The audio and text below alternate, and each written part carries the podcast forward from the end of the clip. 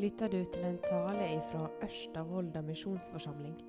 Om du vil vite mer om denne forsamlinga, kan du gå inn på øvm.no. I dag skal handle om visdom, om Guds visdom, om vår visdom som kanskje er litt mangelfull, hvordan, og hvordan vi kan fordele Guds visdom. Vi forbinder jo ofte visdom med grå hår og alder. Stemmer vel til en viss grad. Eh, nå er det jeg som står her. Heldigvis ikke så mange grå hår ennå. Men det er ikke min visdom det skal handle om. Først og fremst det er Guds visdom. Eh, på stolene deres så ligger søndagens tekst. Eh, hvis dere ikke har funnet en penn, eh, så er det fordi dere satt dere litt for langt bak. Så her fins eh, penner lenger framme. Så hvis dere sitter framme, kan dere kikke dere litt bak og se om det er noen bak som ikke er penn, så eh, er det veldig fint. Det Vi skal gjøre, vi skal bruke ca. tre minutter på å arbeide med den teksten. Når du leser gjennom teksten, så kan du stille disse spørsmålene her til teksten. Hvem er det Jesus taler til her? Hvordan tror du de oppfatter det han sier? Og hvordan tror du reaksjonen deres er? Hva var det Jesus ville si til de her folka han taler til? Og litt hva sier denne teksten om Gud? Etter en har gjort det her, så kan en også spørre hva har dette å si for oss. Det skal jeg prøve å si litt mer om etterpå. I forkant av teksten vår, for litt kontekst, så får vi høre at rundt Jesus så skjer det at blinde ser, lamme går, spedalske blir renset, døve hører, døde står opp. Evangeliet forkynnes for fattige. Så forteller Jesus om døperen Johannes. Han understreker at Johannes var en profet, ja, mer enn en profet. Han var den Elias som skulle komme. Noe som Gamle Testamentet profeterte at måtte skje før Messias kom. Men folk var ikke villige til å tro på det. Så vi leser i tre minutter, og så fortsetter jeg etterpå.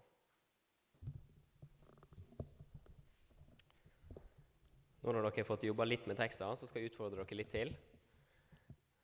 Nå eh, må dere dele noe med sidemannen av det dere fant. Det kan være så eh, ting som Jeg tror at jeg reagerte med det her, eller jeg tror at Jesus påpeker det her hos tilhørerne. Det her må gjerne fortsette etterpå. Eh, jeg håper det gjør det. Um, vi har mye å lære av hverandre.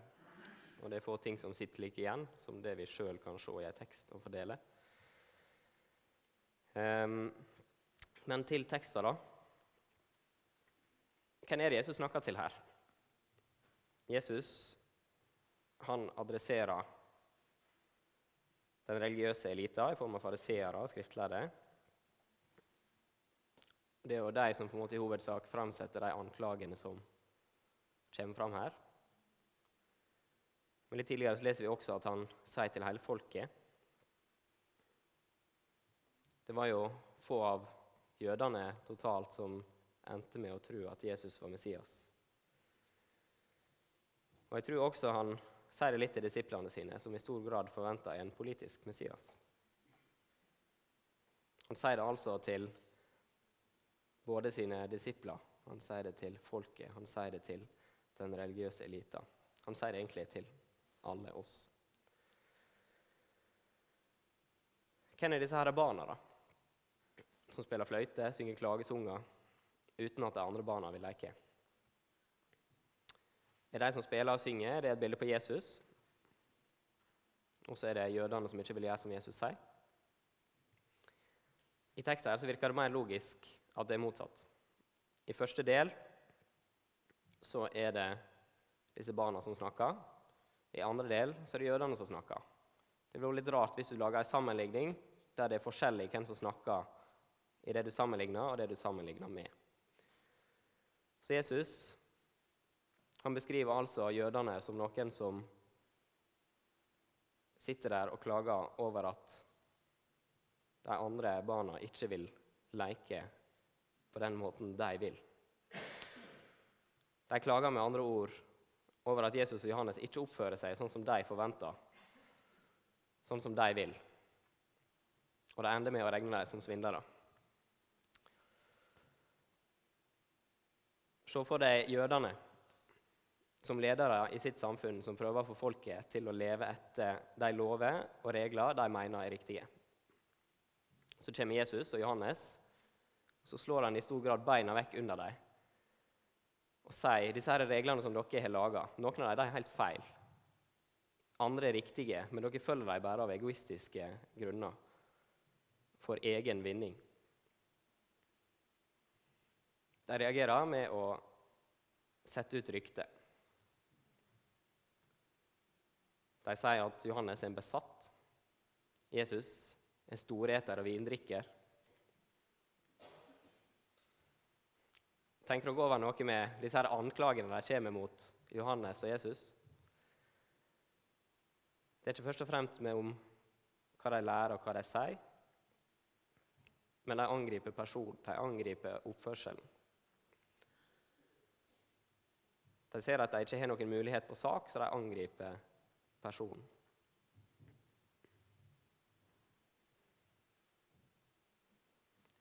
Men disse her jødene altså, som blir, føler seg angrepet, som ser at Jesus og Johannes begynner å rote med de reglene som de har laga Jeg tror at kristenfolket i Norge kan sette seg litt inn i den situasjonen. Norge har vært et kristent land med lover og regler, institusjoner som er prega av det kristne budskapet. I stor grad så er vi det fortsatt. Og det tror jeg er til det gode. Men så er samfunnet blitt mer og mer sekularisert. Og jeg tror det er mange som gremmer seg veldig over det. Det var det disse her eh, fariseerne og skriftlærde kjente på når Jesus og Johannes kommer. De ser en utvatning av de lover og regler som de forfekter. Som de kjemper så hardt for å få folk til å følge. Jeg tror de oppriktig mente at de visste hva som var best for folket. Og Siden folk ikke visste sitt eget beste, så var det deres oppgave å passe på at folket fulgte de lover og regler som de bestemte. Med fare for å ta feil så er det mitt inntrykk at fariseerne var mer opptatt av at folket skulle holde de reglene som, finner, som de hadde laga, og som en finner i Moselova, heller enn å kjenne Gud. Samtidig så tror jeg det var et slags genuint ønske der om at folket skulle lære mer om Gud. Men kanskje var problemet der at de følte de ikke nådde så veldig ut. Og Da var det enkleste å bare passe på at disse reglene ble fulgt. Men så kommer altså Johannes og Jesus med en helt annen tilnærming og utfordrer deres posisjon, deres makt. Og Reaksjonen den er jo at de er ute med piggene med en gang og angriper.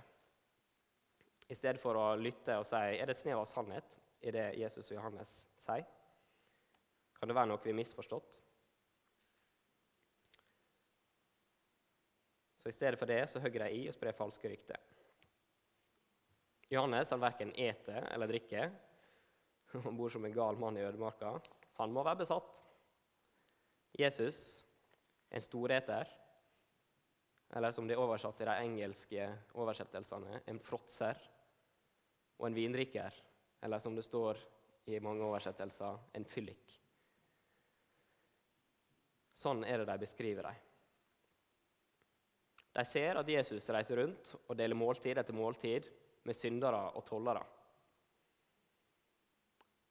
Tollere for oss det er et sånt ord som vi, eh, vi har hørt så mange ganger. Men jeg tror det er vanskelig for oss å sette oss inn i hvor mislikt disse folka her var. Kanskje skal vi heller beskrive det som landsforrædere. Folk som for sin egen vinning tjener undertrykkeren og er med å undertrykke sitt eget folk. Sånne folk får Jesus rundt og besøkte. Han holdt måltid med dem. Det å holde måltid med mennesker på den tida Det var den ytterste måten å omfavne eller anerkjenne dem og vise at en ville ha fellesskap med dem. Så Jesus, i stedet for som fariserene åpenlyst ta avstand fra disse her synderne, landsforræderne Han holdt måltid med dem. Han holdt ikke seg vekke og på den måten viste at nei, jeg tar avstand fra alt det her. Jeg er renehendig fra all den synda her. Jesus han gikk og møtte dem og holdt måltid med dem. Og Når fariseerne ser det, så er deres konklusjon at da må han være en løgner. Da må han være en fråtser. Da må han være en vindrikker eller en fyllik. De setter noen karakteristikker på Jesus. Det er ikke sånn som Bibelen beskriver Jesus. På ingen måte. Men det er sånn som fariseerne, de skriftlærde, oppfatter han. Hvorfor oppfatter de han sånn som det der? Hvordan fikk de det bildet av Jesus?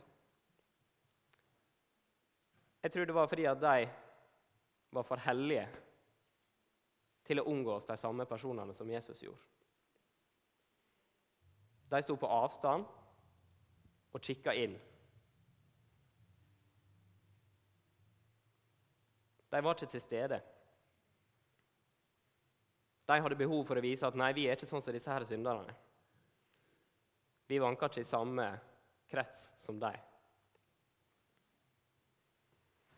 Og Jeg lurer på om vi av og til står i fare for å havne i den samme gruppa som fariseerne heller enn med Jesus. At vi i stedet for å dele måltid og ha fellesskap med vår ikke-kristne neste, blir stående på avstand og lage oss et falskt bilde av de menneskene som er rundt oss. Kanskje med en mer eller mindre uttalt forventning om at de må skjerpe seg først.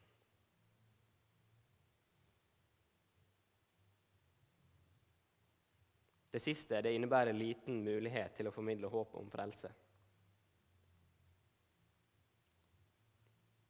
Men likevel så tror jeg at vi ofte har en hang til å gjøre det på den måten. Å stå på avstand og forvente uten å møte mennesket der de er. Og Når vi står på den avstanden, så lager vi oss et bilde der vi tenker nei, disse her er utenfor Guds rekkevidde. Jesus han møtte så mange mennesker som var utafor, og han brukte tid med dem så er det ganske interessant å tenke på hvor få av de her som endte opp med å følge han. Likevel så brukte han tid på dem.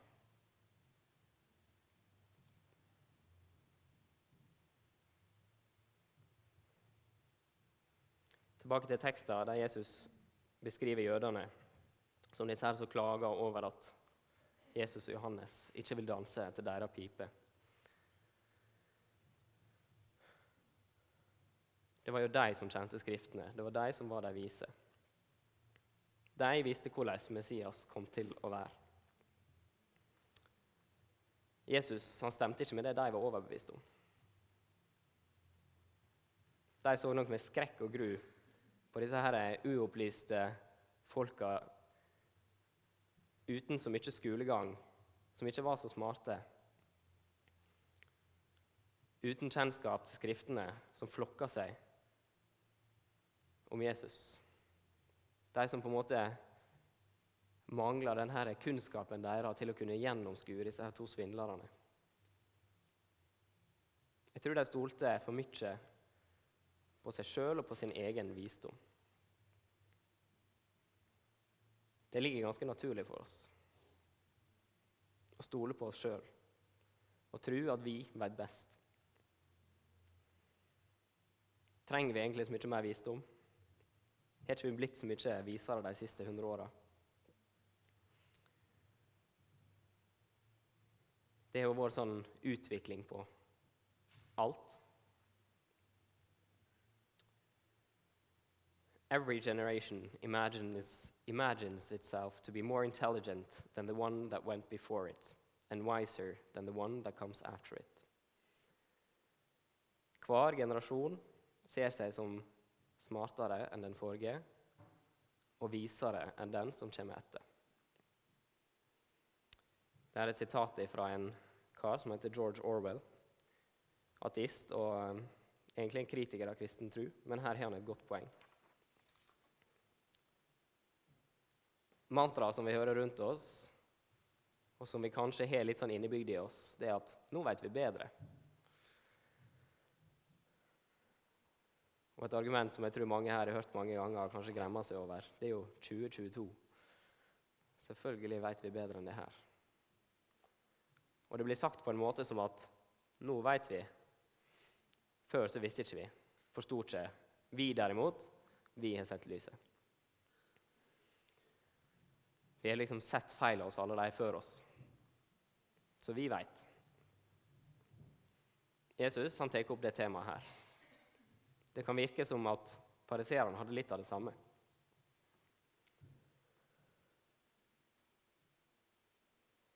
Nå har jeg glemt å skrive opp hvor det sto her, men det står i Matteus 25, tror jeg, eh, vers 29. Ved dykk, skriftlærde og fariseere, de er hyklere. De bygger gravminner over profetene og pryder gravene til de rettferdige og sier:" Hadde vi vært til da fedrene våre levde, da hadde vi ikke gjort oss medskyldige i blodet til profetene. Så sier Jesus, slik vitner de sjølve at det er bånd av de som slo profetene i hjel. Hva sier Jesus her? Han sier at de mangler innsikt i sin egen sjølrettferdighet. Mangler en sjølkritisk holdning. Der de tenker kan jeg ha misforstått noe? Har jeg den samme trangen som de som har vært før meg? Kan jeg ta feil? De har nok en eh, delvis ubevisst tanke om at de har sett denne sannheten. Og de som har vært før, de har tatt feil.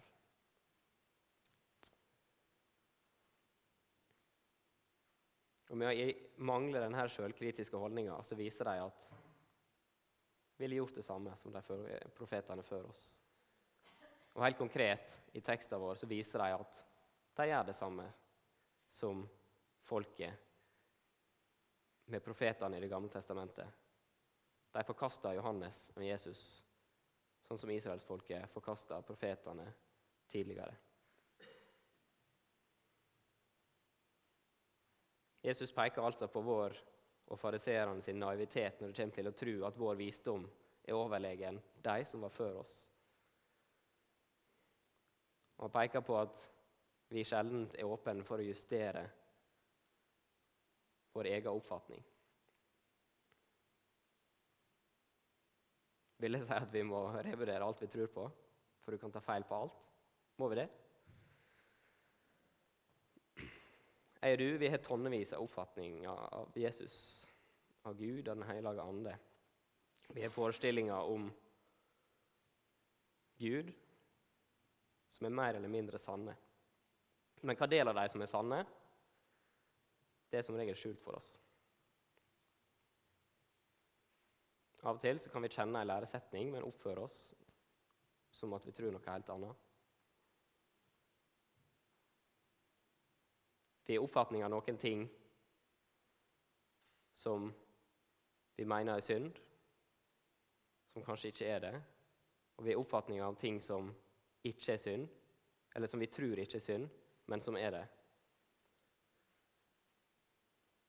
Vi klarer alltids å finne et eller annet bibelord som kan forsvare vår praksis.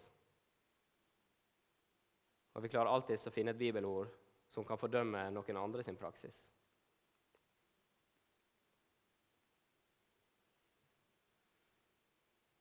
Vi bærer med oss masse bagasje i positiv og negativ forstand.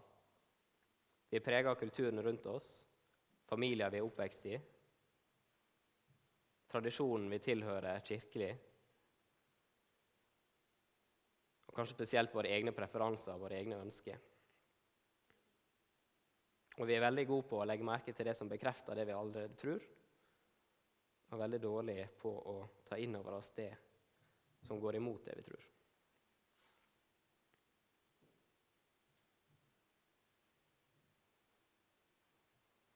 Jeg tror vi er ganske like disse her fariserene, som er treige til å forstå.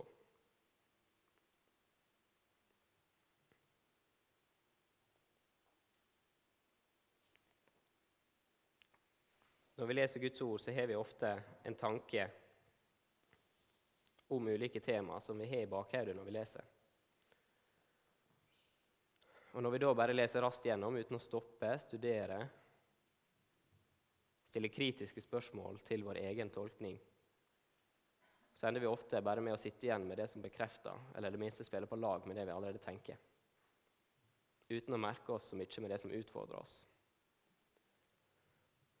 Jeg og du er ganske lik Adam og Eva i hagen, som sier 'Har Gud virkelig sagt?'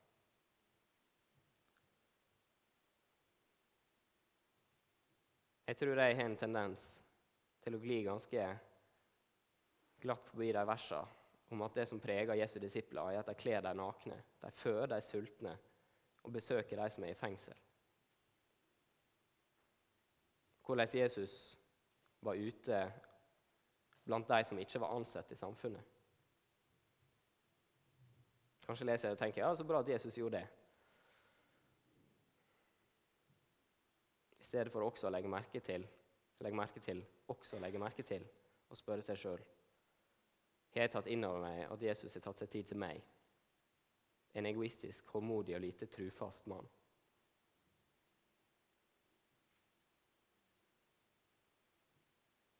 Om jeg har det, viser det i mitt liv i form av at jeg elsker de som er vel ansett, helt konkret, ikke bare med varme tanker.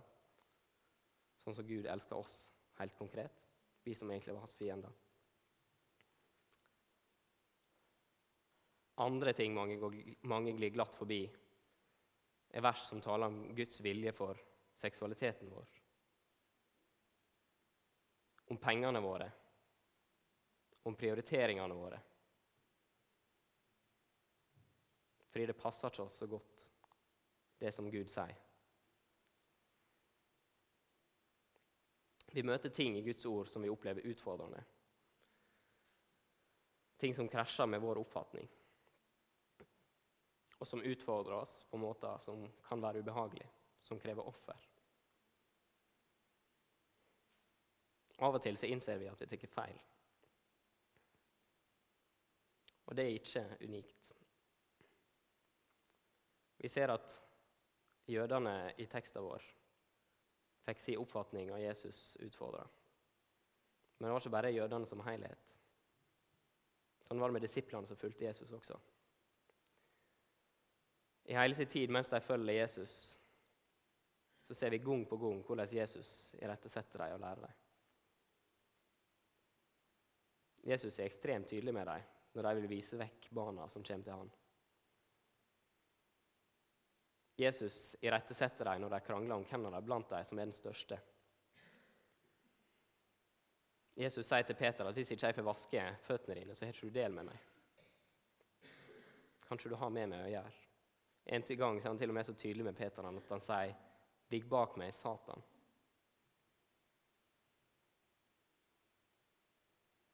Det er når Peter tar Jesus til side for å si at nei, du skal ikke bli tatt til fange og drept av jødene og hedningene. Også etter at Jesus har stått opp, så ser vi flere eksempel på at Gud må komme og justere på oppfatningene til disiplene. Peter får et syn og får beskjed om at han får lov å ete av alle dyr på jorda. Men Peter han nekter. Han har levd et rent liv. Han har ikke spist det her før så blir han sendt til hedningen eh, til en hedning som Gud velsigner med Den hellige ande. Og Sånn viser Gud Peter at en ikke er bundet av disse her renhetsforskriftene i Moselova. frelsa er også for hedningene. Og Gud bruker også Paulus til å rettesette Peter og Barnabas når de med sine handlinger pålegger hedningene å leve som jøder. Gang på gang gjennom hele bibelfortellinga ser vi at Jesus må irettesette og lære opp. Han kunne forkasta disse disiplene og sagt nå har dere for n-te gang gjort imot min vilje. I stedet så viser han sin kjærlighet, sin tålmodighet. Ser du denne trufaste tålmodigheten Gud har med sine disipler? som gang på gang heller vil følge sin egen oppfatning enn Guds vilje? Ser du den store kjærligheten han har, som ikke vil de stå fast i sine egne oppfatninger, men heller vil lære dem hans gode vilje? Han som er kjærlighet, han som er rettferdig, han som er nådig. Ser du den trufaste tålmodigheten Gud har med deg i ditt liv? Du som, som meg, gang på gang heller vil følge din egen oppfatning enn å la Han være herre.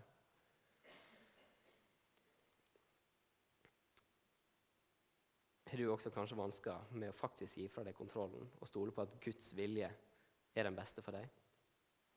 Jeg vet at vi har vansker med det.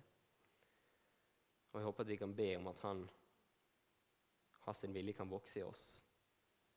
Men for å gjøre det så må vi vite litt om hvordan den ser ut. Vi må ikke gjøre som disse fariseerne som skaper seg et utenfra-bilde av Jesus, der vi ser på et par karaktertrekk, og så utfyller vi resten med det som passer oss, overser det vi syns er utfordrende. Jeg tror jeg gjør det ofte enn jeg innser det, oftere enn jeg sjøl innser det. Men vi leser ofte Bibelen litt selektivt. Noen ord får en på en måte en sånn makt at de har en tendens til å utviske de andre.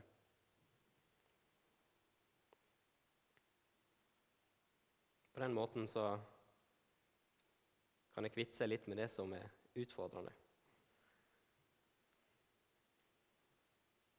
Men jeg har aldri forstått logikken bak det. Det ligger en uforbeholden naivitet, naivitet og tillit til vår egen visdom når vi har den tilnærminga. For skal jeg bruke noe av Bibelen til å slå i hjel en annen del, så er det jeg som skaper Gud i mitt eget bilde, heller enn å la Gud vise meg seg. For Det som jeg ville tatt vekk nå, det er helt garantert noe annet enn det jeg ville tatt vekk om 60 år. Så om vi leser Bibelen på en sånn måte, så skifter den fra dag til dag. Alt etter hva som er den siste trenden i samfunnet. Ekte sannheter kan ikke forandres. Det kan ikke endres fra dag til dag. Å lese Bibelen sånn at vi så selektivt Det er som å skjæres ut en trefigur og falle ned og tilby den. Tilbe den. Begge deler vil være skapt av oss, og begge vil være like maktesløst. Vi trenger at Guds ord taler til oss som en helhet. Bare sånn kan Gud vise oss hvem Han er, i stedet for at vi skal skape oss en tom Gud sjøl. Og Det gjelder både for oss som er tradisjonelt konservative, og for de som er liberale.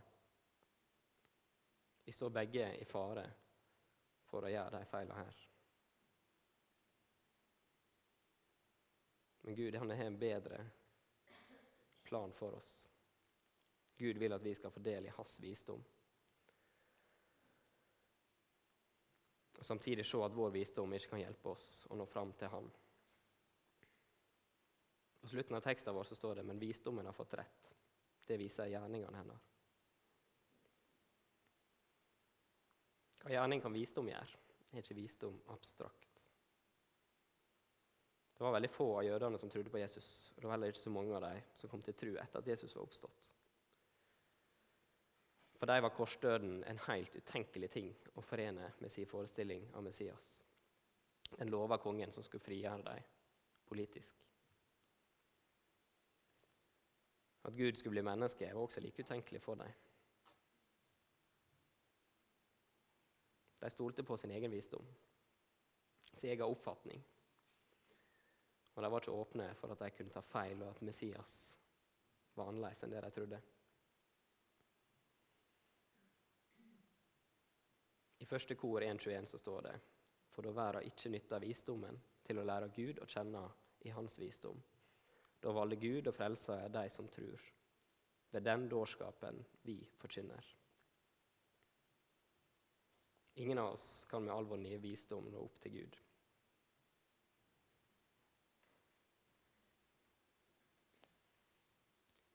Jeg vil ødelegge de vises visdom, og de klokes klokskap vil jeg gjøre til intet. Det som for oss framstår som Guds dårskap, er så mye høyere enn vår visdom. Ved å vise at vi ikke når opp til Han, så viser Han hvor stor Han faktisk er så stor at den eneste måten å nå opp til Han, er ved at Han bøyer seg ned og blir vår tjener og gir seg sjøl for oss. Og så ufattelig tålmodig viser oss til rette. Tålmodig lærer oss mer om seg, og tålmodig viser sin kjærlighet gjennom at han ikke vil la oss forbli som vi er men heller bli mer og mer lik Han. Vi kan ikke gjøre det i egen kraft. Ikke engang disiplene som fulgte Jesus tett i tre år, forsto hva hans død betydde. Eller trodde på at han var oppstått når de ble fortalt det. De var helt og holdent avhengige av at Gud åpenbarte det for dem. Vi er helt avhengige av å stille oss åpne for at Gud kan tale til oss. Det vi må gjøre, er å stille oss tilgjengelige for at Han kan tale til oss. Vi trenger å bruke tid med Hans ord. Vi trenger å søke Han i bønn. Han vil gi oss sin visdom. Vi trenger å be om ydmykhet til å ta imot.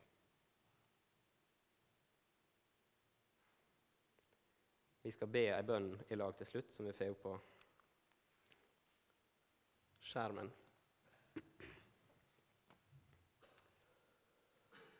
Så leser jeg der det står L, og dere der det står A.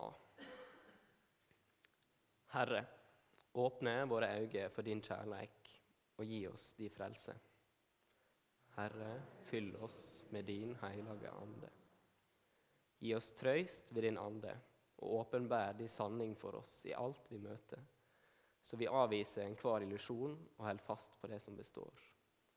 Herre, fyll oss med din hellige ande. Hellige ande, lær oss å lytte til ditt ord med merksomme hjerte, og gjør oss stille i møte med ditt ordløse nærvær. Herre, fyll oss med din hellige ande. Gi oss Andens gåver så vi formes etter Kristi sinnelag, og Hans skapnad vokser fram i oss. Herre, fyll oss med din hellige ande. Gi oss innsikt i hva som er sant, rett og rent, så vi, fri fra alt som er vondt, kan finne svar på våre spørsmål som er til behag for deg. Herre, fyll oss med din hellige ande. Syng i oss en ny og evig sang, en sang som stiger fram fra et audmykt hjerte hos den som har funnet seg sjøl i deg, Herre.